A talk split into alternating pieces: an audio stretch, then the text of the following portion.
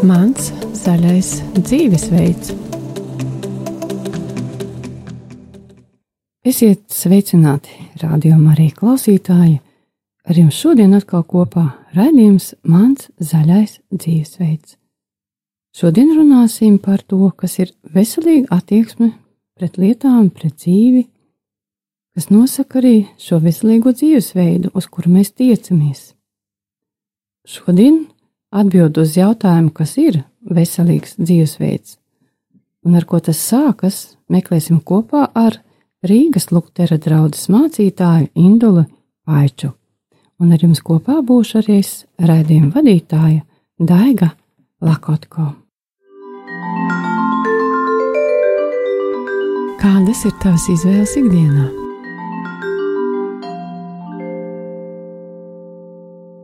Veselīgs dzīvesveids sākas ar veselīgu attieksmi pret lietām, pret sevi, pret citiem, pret pasauli, pret dzīvi, pret dievu, pret savu tuvāko.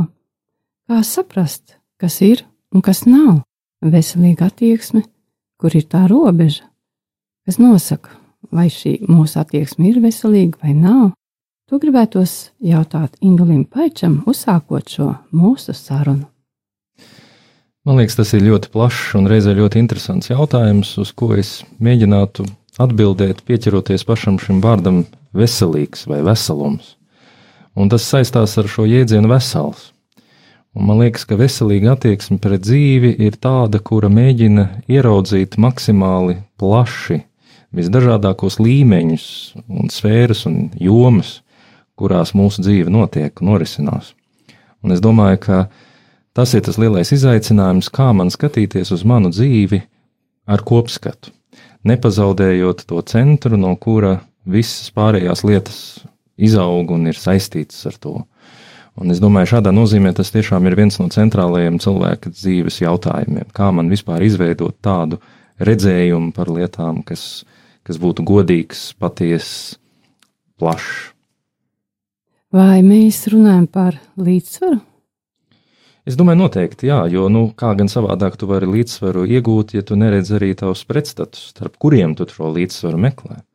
Un, piemēram, ja mēs domājam specifiski par dzīvesveidu, es domāju, arī mm, ļoti bieži cilvēkiem nenākas viegli atrast šos līdzsvaru punktus starp, teiksim, darbu un atpūtu, starp to, ko es veltu savam ķermenim, savai fiziskajai dzīves daļai un to, ko es veltu garīgajai vai dvēseles daļai.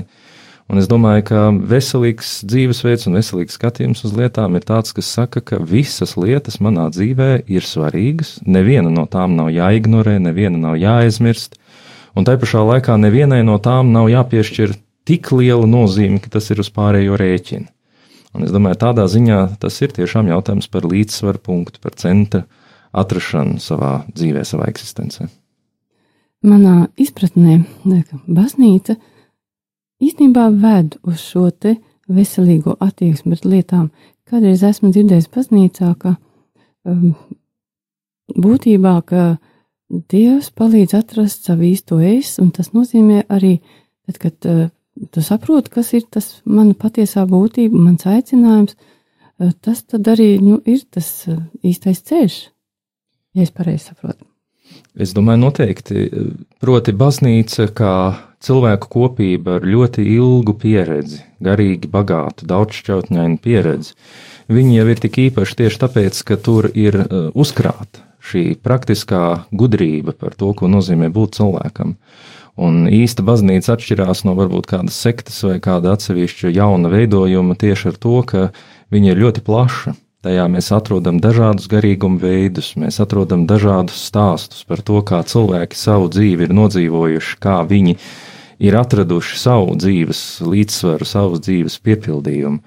Un šai ziņā man gribētos ļoti jā, piekrist, ka uh, piederība šai kopībai, šai tradīcijai, šai gudrajai gadsimtos izveidotajai pieredzei var ļoti palīdzēt cilvēkam nebūt vienpusīgam, bet kā reizi šo dzīves plašumu un dziļumu un iespējas, ko īstenībā Dievs mums ir devis ieraudzīt. Un pie tā patiesā es atgriežoties, es domāju, arī tā ir ļoti, ir ļoti labs novērojums, ka bieži vien mēs kā cilvēki dzīvojam ļoti virspusēji, un mums ir kaut kādas tādas vieglas, ātras atbildes. Un šīs ātrās atbildes liekas ļoti pārliecinošas līdz brīdim, kamēr pati dzīve pierāda, ka īstenībā viņas nav bijušas ar saturu piepildītas. Un es te gribētu atsaukties uz mm, tādu elementāru piemēru kā pasakas, vai ne? Mēs visi esam dzirdējuši pasaku par zelta ziltiņu. Un tā pasakas ideja ir kāda cilvēkam negaidīti, kāda ar īpašām spējām apveltīta būtne, teiksim tā, piedāvā iespēju, nu, pasaki man, kas tad ir tās trīs svarīgākās lietas tavā dzīvē, ko tu gribi, ar kurām tu domā, ka tava dzīve iegūs kaut kādu saturu un vērtību. Un tā pasakas gudrība ir tā, ka cilvēki pirmā brīdī dod kaut kādas atbildes, kas nu viņiem liekas, kas ir tas vajadzīgākais, kas ir tas svarīgākais priekš viņiem. Tajā brīdī tajā brīdī tieši tā, un, un beigās izrādās, ka tā pirmās divas uh, vēlēšanās es esmu izteicis, un pēdējā jāiztērē, lai tiktu vaļā no tā, ko es esmu virspusē uzskatījis par tik ļoti svarīgu. Un es domāju, atkal, ja tas stāsts par to, ka cilvēks var ilgstoši dzīties pakaļ kaut kādām iluzorām lietām, Un uh, viņam būtu bijis ļoti palīdzoši, ja būtu kāda, kāda prakse vai kāda, kāds gudrs padoms no malas, kas sacītu, klausies, uh, pirms tu vari šo līdzsvaru atrast, tev ir pamatīgi jāatbild uz jautājumu, kas es esmu, kas ir mana vieta šajā pasaulē, kas ir mani uzdevumi. Un tikai tad, kad tu pārredz to spēles laukumu, ja tā drīkst teikt, tikai tad tu vari atrast nu, kaut kādu sakarīgu atbildi, ko man darīt. Respektīvi, garīgums tas ir um, tas, kas mums vajadzīgs, varētu teikt, pat instruments, kas palīdz izvairīties no grāvjiem. Jā, tas, es domāju, tas ir viens labs uh, veids, kā to definēt. Uh, garīgums ir tas, kas mani ved pie manas esības centra. Un, protams, nu šeit uh, izpaužas arī mana pārliecība. Es uzskatu, ka es varu to līdzsvaru ieraudzīt tikai tad, ja es ņemu šo bildi maksimāli plaši. Un tas nozīmē, ka cita starpā es, protams, ieraugu arī šo garīgo dimensiju, dievu klātbūtni, un beigu beigās tieši caur viņu, kas ir visa avots un visu piepilda, caur viņu es arī atrodu šo atbildi uz to, kas es esmu un ko līdz ar to man šajā dzīvē ir jāsasniedz. Un tādā es varu tālāk meklēt atbildi uz jautājumu, kā to sasniegt. Mm -hmm. Tātad tas navigators, kā teica viens priesteris, ir mūsos lielā mērā. Es teiktu, ka mūsu ir dziļumos, kur runā gars. Jā, bet es noteikti liktu lielu uzsvaru arī dzen uz to, ka ir vajadzīga šī ārējā palīdzība, jo kādreiz mums ir grūti to iekšējo dziļo navigatoru nesajaukt ar mūsu šīm virspusējām vēlmēm, kas nāk caur to, ko apkārtējā sabiedrība mūsos iesuģestē, no tā, ko mēs redzam pie saviem draugiem, no tā, kas beigu beigās vienkārši kaut kā nejauši mūsos ir veidojies. Jums ir taisnība, tur dziļumā tas gars darbojas un runā, bet, lai līdz tam dziļumam nonāktu un lai šo balsi sāktu atšķirt, mums ir labs palīgs arī šis ārējais ietvers. Un tāpēc es vēlreiz atgrieztos pie tā, ko jūs sacījāt par šo baznīcas kopību. Jo, ja mēs tā paskatāmies uz to, kas tad ir baznīca, tad tā ir vēlreiz teikšu šī lielā gudrības krātuve, eh, kas palīdz cilvēkam labāk pašam sevi saprast un, un nenomaldīties kādos iekšējos labirintos, kur beigu beigās es eh, pats vairs nesaprotu, kas ir mana balss, kas ir dieva balss un kas, kas ir tas, kam man ir jāklausa un kas ir varbūt mirkļa impulss, kam man varbūt būtu taisni jāpretojas. Es saprotu, ka baznīca nes, citiem vārdiem, ka baznīca nes to mācību, to gudrību, kuru es varu paņemt un izdarīt pareizākas, veselīgas, veselīgākas izvēles, atrast tos īstos risinājumus un tad tādā veidā būvēt savu dzīvi, nu, lai es būtu atbildīga, tiksim, jādiev priekšā par to, kādas ir manas tiešām šīs izvēles, ko es, kam es saku jā, kam es tomēr saku nē.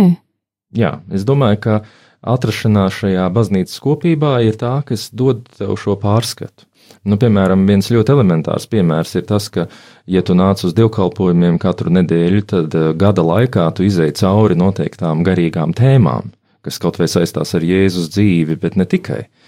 Tu uh, izēj cauri noteiktiem svētku periodiem, kuros tu apskati kaut kādas lietas, kuras, uh, ko citi cilvēki ir atraduši priekš savas dzīves, kā lielo aicinājumu un uzdevumu. Bet uh, tad, kad tu izēj tam visam cauri, tad vienā brīdī mēs Eh, saprotam, tas palīdz man atpazīt to visu sevī. Un līdz ar to eh, es teiktu tā, ka baznīca dod šo iespēju kuru, protams, ir jāizmanto. Ja mēs viņu neizmantojam, tad tas vien, ka es esmu vienkārši piederīgs šai kopībai, būs mazliet par maz. Bet, ja es aktīvi dzīvoju šo dzīvi un es izmantoju tās iespējas, kas man tiek dotas, tas veido ļoti labu iespēju man būt informētam un daudzpusīgam attiecībā par to, kas ir cilvēka dzīve un kādas ir iespējas to dzīvot.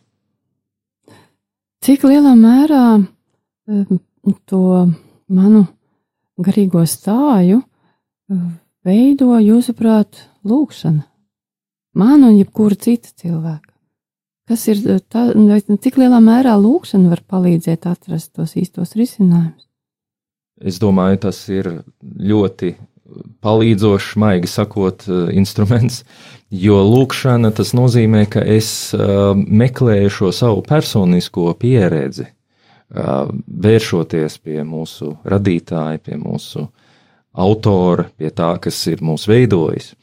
Un lūkšana šādā nozīmē ir galvenais instruments, ar kuru iepazīt kādas lietas, un pat galvenais pieredzēt kādas lietas. Jo bez personiskās lūkšanas uh, viss pārējais paliek bieži vien kā tāda informācija manā galvā, kur es tā zinu kaut kādas lietas, bet tikai tad, kad es esmu lūkšanā, es meklēju un atrodu šo ceļu līdz tam jūsu pieminētajam esības centram, tam dziļajam navigatoram, uh, tam gara līmenim, kurā Dievs mani vada un Dievs mani uzrunā. Kurā viņš saka to savu vārdu, un dod to virzienu. Kurā, kurā viņš ļauj to vārdu, ko es arī dzirdu, varbūt ar savām ausīm riņķi apkārt, viņš ļauj man to vārdu precīzi saprast.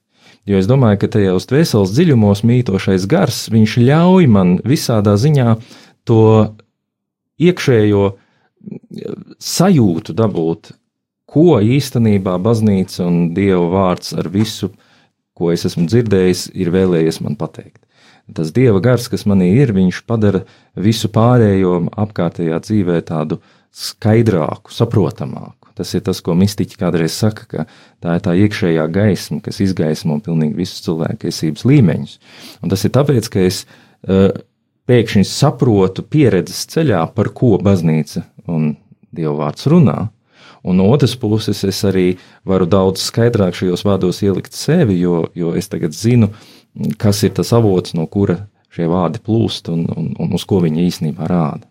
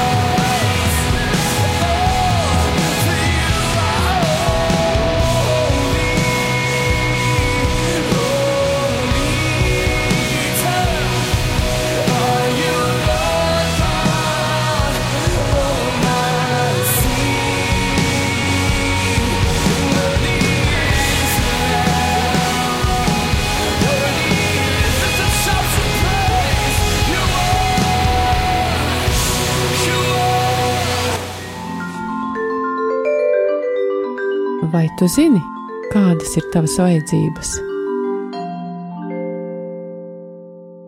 Atgādinu mūsu klausītājiem, ka mēs šodien mūsu raidījumā runājam par to, kas ir veselīga dzīvesveida pamatā. Manā izpratnē veselīgs dzīvesveids sākas ar veselīgu attieksmi, bet kā tad tikt līdz tai sapratnē, kas ir un kas nav veselīgi? Kā mēs ar mācītāju Indolu Paiču runājām, ka viens no veidiem, kā tikt eh, līdz tādai skaidrībai, ir lūkšana.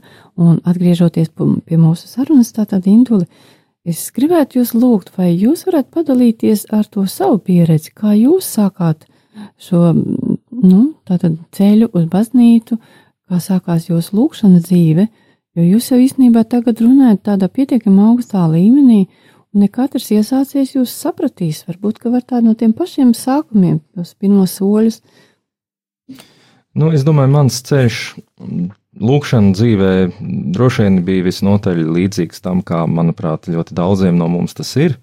Un proti, es arī dzinu sākotnēji lūkšanu sapratu kā vēršanos pie Dieva ar konkrētām lietām, vajadzībām, mēģinot tās izteikt, mēģinot tās ieteikt kaut kādos gatavos vārdos, kur mums ir jau gatavi lūkšana modeļi, kur mēs varam izmantot atkal šo lielo pieredzi, kas kristietībā ir uzkrāta vai arī to darot vienkārši no sirds. Es ļoti labi atceros, kā kāds mācītājs, kuram es ticības ceļa pašā sākumā jautāju, nu kā tad lūgt Dievu, viņš man tā ļoti skaisti atbildēja vienā vārdā. Viņš teica no sirds.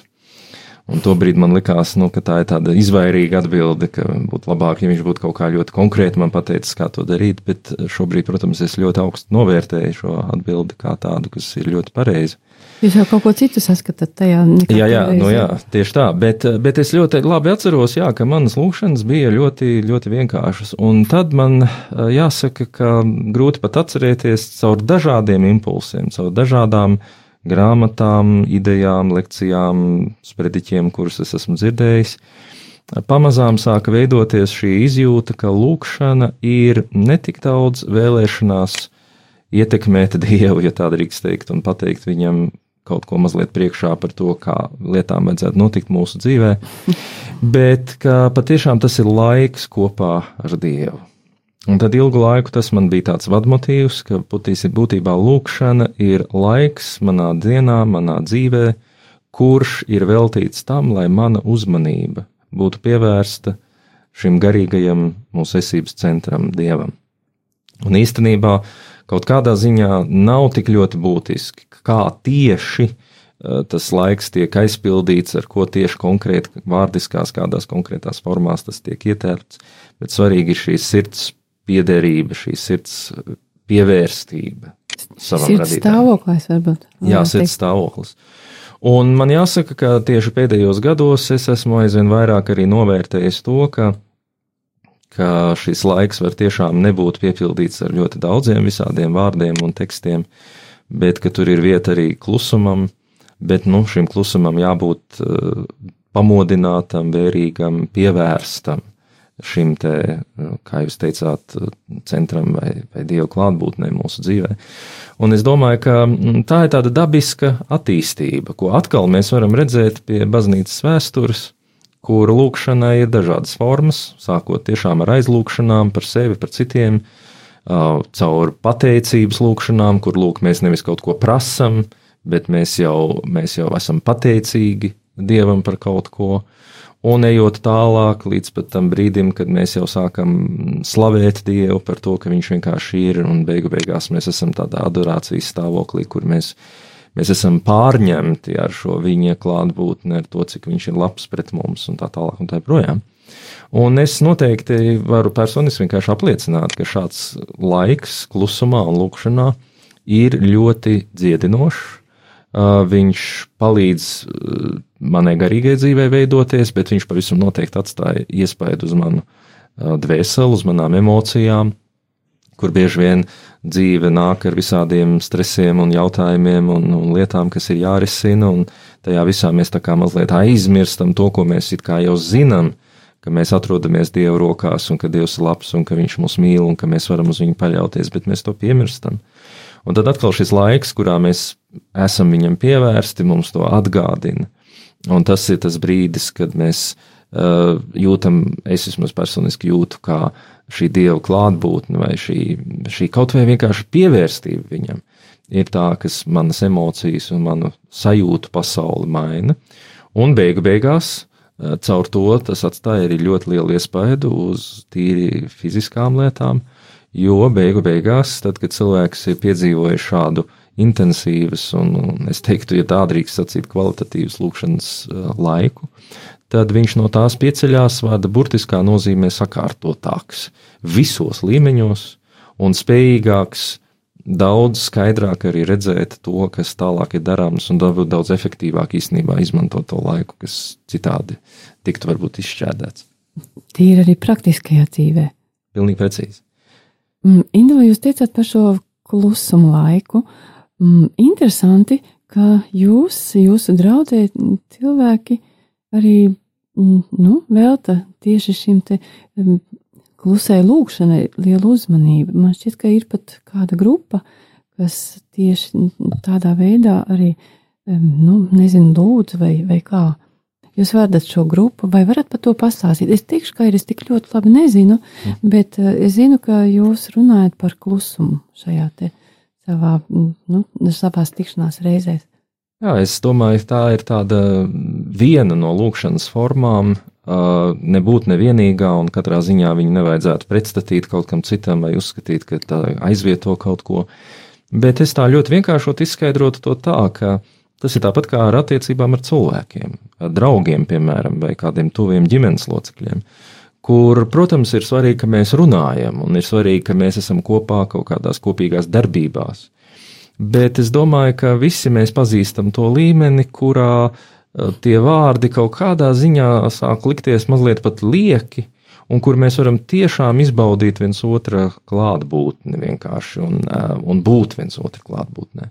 Un tāpēc, jā, šī klusā lūkšana eh, mūsu draudzē ir tāds atsevišķs virziens, par ko mēs daudz runājam, un es domāju, tas ir saistīts ar šo laikmetu, kurā netrūkst vārdu, netrūkst trokšņa, un kur bieži vien varbūt eh, pielikt pie tā visa vēl kādus vārdus klāt, eh, tā ir viena lieta, bet kā reiz atbrīvot telpu tam, lai tajā klusumā pabūtu Dieva klātbūtnē, tas ir ļoti svarīgi. Un mēs sakam cilvēkiem, nu vienmēr atcerēsimies arī to veco, veco kristīgo atziņu, ka lūkšana ir saruna ar Dievu kas paredz to ne tikai, ka es runāju, bet tas paredz arī to, ka es klausos. Tas paredz arī to, ka es esmu mēģinu vismaz būt gatavs arī uztvert kādu uh, vēsti vai kādu noskaņu vai gara plūsmu, kas plūst man pretī, kur Dievs eh, manī darbojas un Dievs manī atklājas. Un es domāju, ka šādā nozīmē tas ir ļoti līdzīgs uh, process tam, ko mēs atrodam jau vecajā derībā, kā tādu bausli, uh, kas saka, ka tev būs sešas dienas strādāt, bet septītajā dienā tev nebūs strādāt, tev būs atpūsties, nolikt visas lietas malā, jo tā diena ir svēta, uh, Un tajā dienā mēs nu, to nepiepildām ar savu aktivitāti, bet mēs vienkārši esam. Un savā ziņā man liekas, līdzīgi tas ir arī lūkšana dzīvē. Ir ļoti no svara lūgt ar vārdiem, ir ļoti no svara piedalīties, piemēram, kopīgajās lūkšanās, dievkalpojumos un ne tikai. Bet ir labi arī kādā brīdī to sabatu ieturēt, to klusumu ieturēt un mācīties arī apklust Dievu priekšā un būt vērīgam, modram, dzirdīgam paklusēt citiem vārdiem, jo es sadzirdu jūs teiktajā šo te paša pamata atziņu šajā te praksē vai pieredzē ar klusumu, ka ir jāatceras, ka saruna tie ir divi. Ja es lūdzu Dievu no vienas puses un visu laiku tikai runāju un nemaz neklausos, tad patiesībā es to nevaru sadzirdēt, ko tā otra puse man atbild, bet Dievs jau runā. Tā droši vien ir ļoti svarīga uh, prasme sadzirdēt, klausīties, Jūs laikam to kopjat. Nu, es ceru, ka mēs to kopjam, un katrā ziņā tā ir sena, sena kristīga tradīcija un pieredze. Tā klausīšanās notiek caur to, ka mēs esam modri un pievērsti tam, kas mūsu dvēselē notiek. Tā klausīšanās var notikt caur to, ka mēs pārdomājam arī kādus bībeles tekstus, vai ne, un, un esam šādā veidā dialogā ar Dievu vai sarunā ar Dievu. Bet jā, es piekrītu, ka tas svarīgais ir nepalikt vieniem. Dīvainā kārtā pat arī lūkšana var būt tāda saudabīga tāda forma, kurā cilvēks ir tik aizņemts ar sevi ka viņš it kā, nu, kā runā ar Dievu, un viņš ir vērsts uz Dievu, bet tā, tā, tā sirds ir tik pilna ar sevi, ka, ka īstenībā viņa tomēr beigu beigās nodarbojas ar to savu saturu. Un šādā ziņā, jā, es domāju, tas ir tāds uh, palīdzošs aicinājums mērtiecīgi šo iekšējo klusumu veicināt. Nu, tā, ka, ka es saprotu, ka mana galva, protams, ir pilna ar visu kaut ko, bet man ir jātiek līdz tam dziļākajam slānim un līmenim. Un te man gribas atgriezties atpakaļ pie tās tēmas par to veselīgo lietu uztveri un veselīgo dzīvi. Jo, nu kā tad tu vari līdz tam veselumam nonākt, ja, ja tu esi tikai tajā ņirboņā, kas ir apziņas virspusē? Īstenībā visdažādākās garīgās prakses, ko kristietība pazīst, visas kā viena mēģina mūs aizvest mazliet viļņpus vai dziļāk par šo ārējo ņirboņu, kur vienkārši ir apkārt esošie vārdi un iespaidi, un nonāk līdz tam, kas tur dvēseles dziļumos notiek, jo tieši tur Dievs dara savu kluso, bet ļoti nozīmīgo darbu. Indobe, kā tīri praktiski organizēt savu dzīvi tā, lai es varētu nu, tiešām tādu klusumu baudīt vai iekārtot? Nu, jā, nu te man jāsaka tā, ka es domāju, pirmais un galvenais uzdevums ir uh, turēt bausli. Proti, tas bauslis, uh, ka tev ir jāatrod laiks dievam, ir ļoti nozīmīgs vēl ar vienu. Un tas nozīmē, ka es iesaku pavisam noteikti sākt ar to, ka mēs vienkārši atrodam šīs 20, 30 minūtes rītā, vakarā, kur mēs pasakam, tas ir mans laiks kopā ar Dievu. Un e, es mācos vispirms to neaizņemt ne ar ko citu. Es mācos atslēgt kaut kādus saziņas līdzekļus un traucējumus, kādi varētu būt, kas man aizved vienkārši atkal pie tās dzīves virspuses. Un es mācos šajā laikā būt pievērst šim dziļākajam saturam. Un tur ir dažādi tie palīgi līdzekļi un instrumenti. Mums ir jāsaprot arī tas, ka uh, tas sastapšanās mirklis ar Dievu vienmēr ir viņa dāvana. Tā, tā īstenībā nav līdz galam mums kontrolējama lieta. Atkal ļoti loģiski, vai ne? Mēs, mēs vēršamies pie viņa, un viņš ir tas, kas izvēlās atbildēt, un kā un kad. Bet nu, mēs varam darīt tik daudz, ka mēģināt to savus traucējumus noņemt nost. Un tas, ko es esmu pēdējos gados priekš sevis atradis, ir ļoti palīdzoši paņemt kādu īsu Bībeles lasījumu pateikt Dievam to, kas tajā brīdī tev ir uz sirds, bet ļoti labi atcerēties to, kas Bībelē ir sacīts, ka Tēvs labāk zina par tevi, kas tev ir vajadzīgs, un tu faktiski šo lūgšanu saki tāpēc, lai tu pats zinātu, ka Dievs tevi dzird un saprot.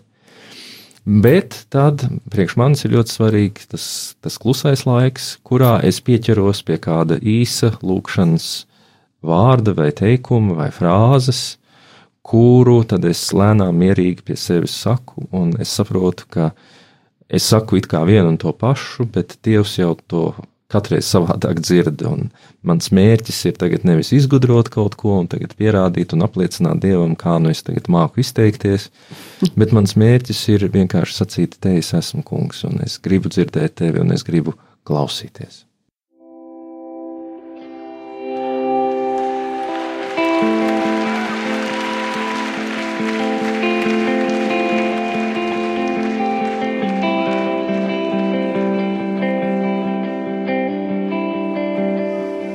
From the ends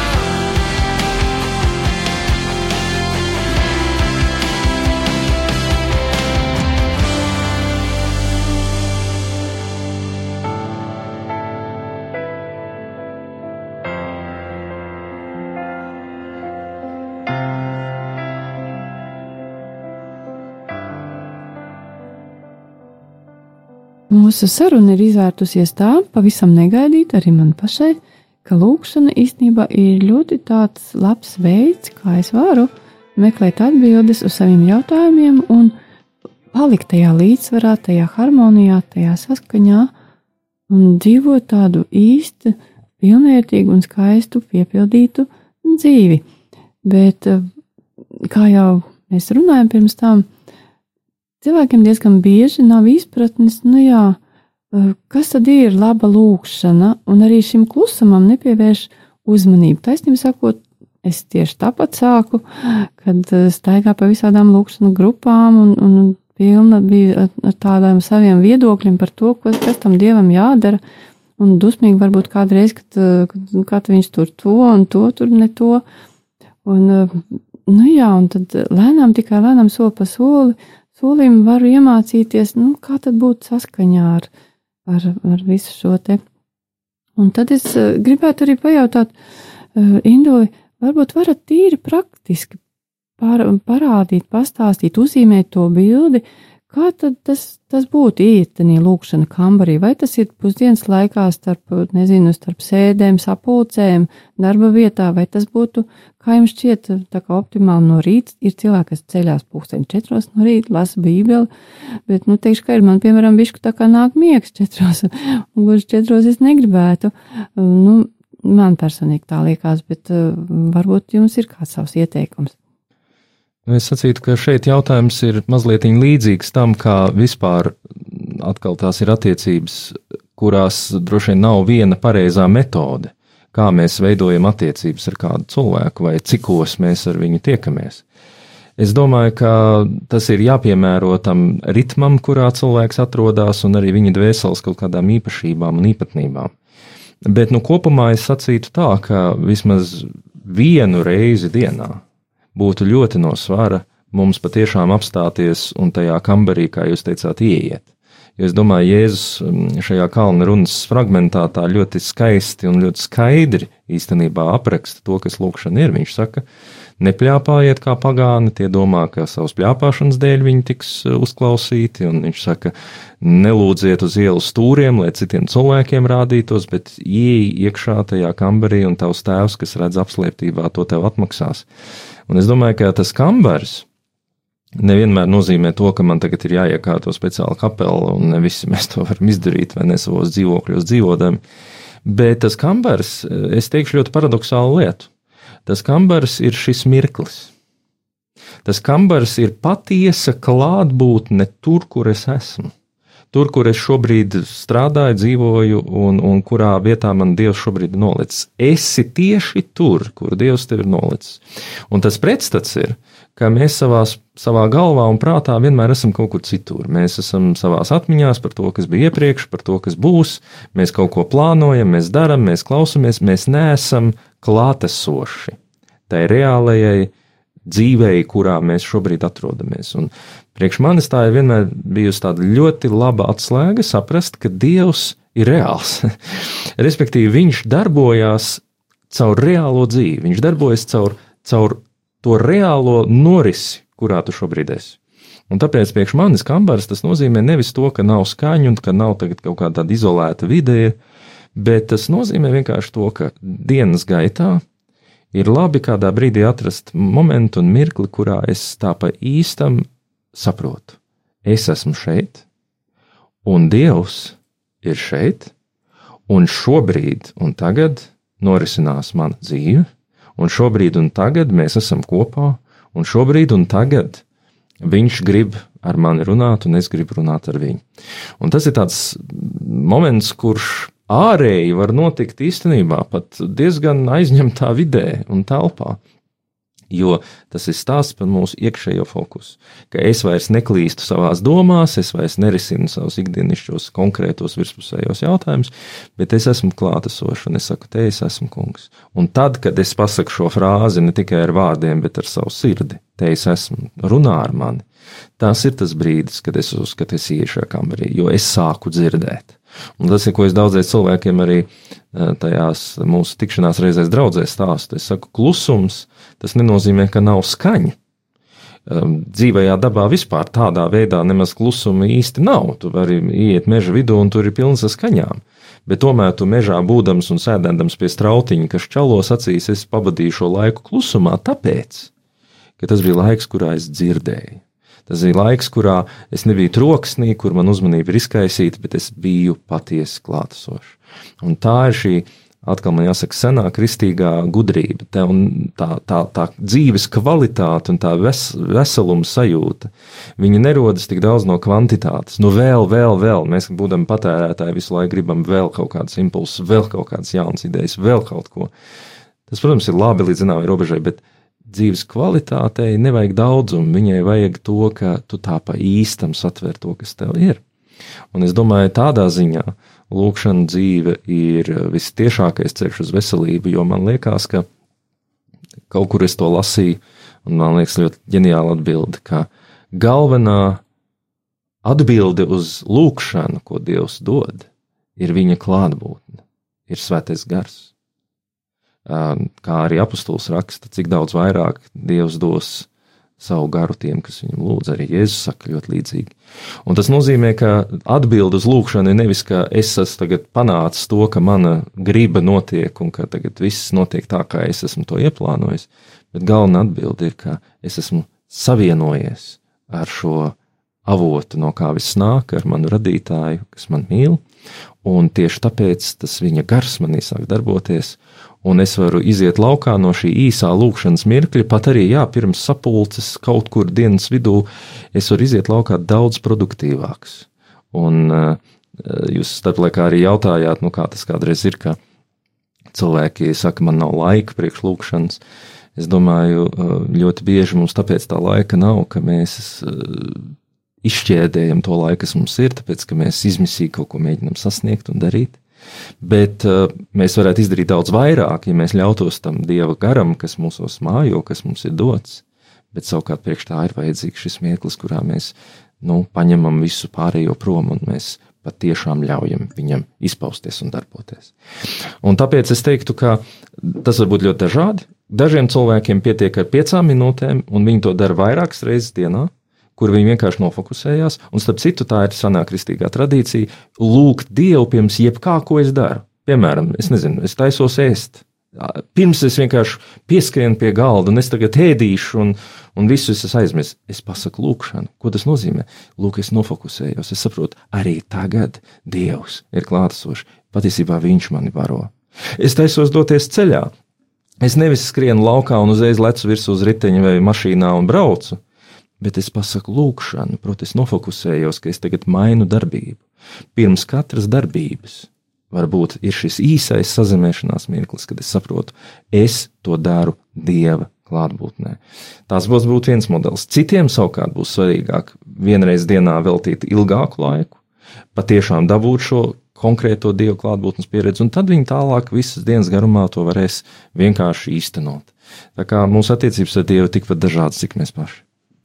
Kamēr jūs runājat, es atcerējos arī kādu sprediķi baznīcā, kā esmu dzirdējusi, un tādus vārdus, ko kādreiz citu teica Juris Rubens, ka kopā ar Dievu dzīve iegūst citus mērogus, savus īstos mērogus. Un tad es domāju par šiem steidzīgiem cilvēkiem, kāda es pati kādreiz esmu bijusi, kad nekad nav laika, kad tas šī dimensija, garīgā dimensija, iedod pavisam tādu citu rakursu, ka tad, kad es esmu kopā ar Dievu, tad man nav tiešām, kā jūs teicāt, tik daudz jāskraida, un, un, un ar savu galvu tad es varu mazāk darboties, jo tad, tad man ir tā īpašā gudrība, ko dod šī garīga, nu, Dieva klātbūtne. Varu tikai piekrist, un es saku, ka šis te mērogs, kā jūs to nosaucāt, vai kā viņš to nosauca, ir, manuprāt, šis plašākais skatījums no vienas puses, bet arī šis klātesošais, šis pieredzes moments, ja, kad tu saproti manas dzīves ne tikai plašumu, bet arī dziļumu. To, ka šis mirklis ir tik ļoti vērtīgs. Un tad tev nav jāskrien, jo nu, tas ir tāpat tās atkal man jāsaka, kā ar attiecībām. Ir cilvēki, kas domā, ka ja man ir, nezinu, kā Facebookā kādreiz ir ja pār pa tūkstots draugu, nu tad es, man ir ļoti laba dzīve, jo man ir daudz draugu. Ja? Bet varbūt viņiem tādi īsti draugi vispār ir viens vai divi. Un Ko tas nozīmē? Tas nozīmē, ka tas daudzums ir viena lieta, bet tā kvalitāte pavisam cita lieta. Un es domāju, ka tad, kad mēs mācāmies visas savas dzīves norises skatīt šajā dieva kontekstā, tas piešķir šo citu kvalitāti. Un tas ļauj mums sabalansēt visus mūsu esības līmeņus, jo vēlreiz atkārtošu, ar ko mēs īstenībā sākām, ka baznīcas lielais iegūms, tas lielais iegūms, kādēļ tev ir vērts būt daļai no baznīcas, ir tas, ka tā ir tā gudrība, kas ietver visus tavus dzīves līmeņus. Baznīca māca mūs gavēt, tas nozīmē, viņi at, kaut ko pasaka būtiski par mūsu ķermeni, par, par, par to, ko mēs ēdam un kā mēs ēdam.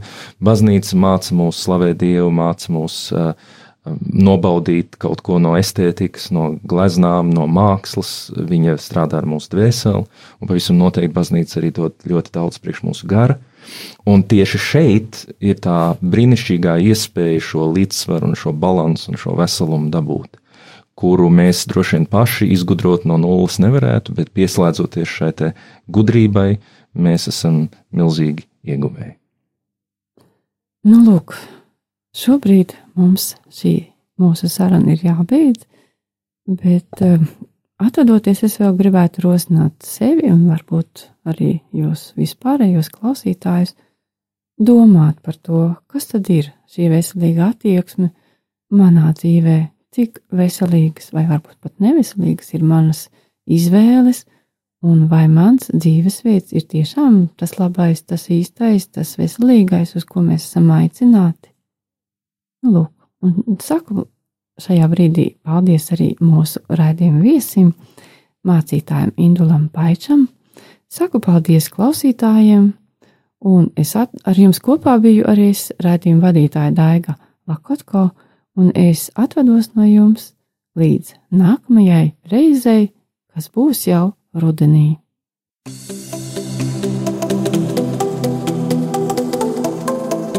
Mans zaļais dzīvesveids.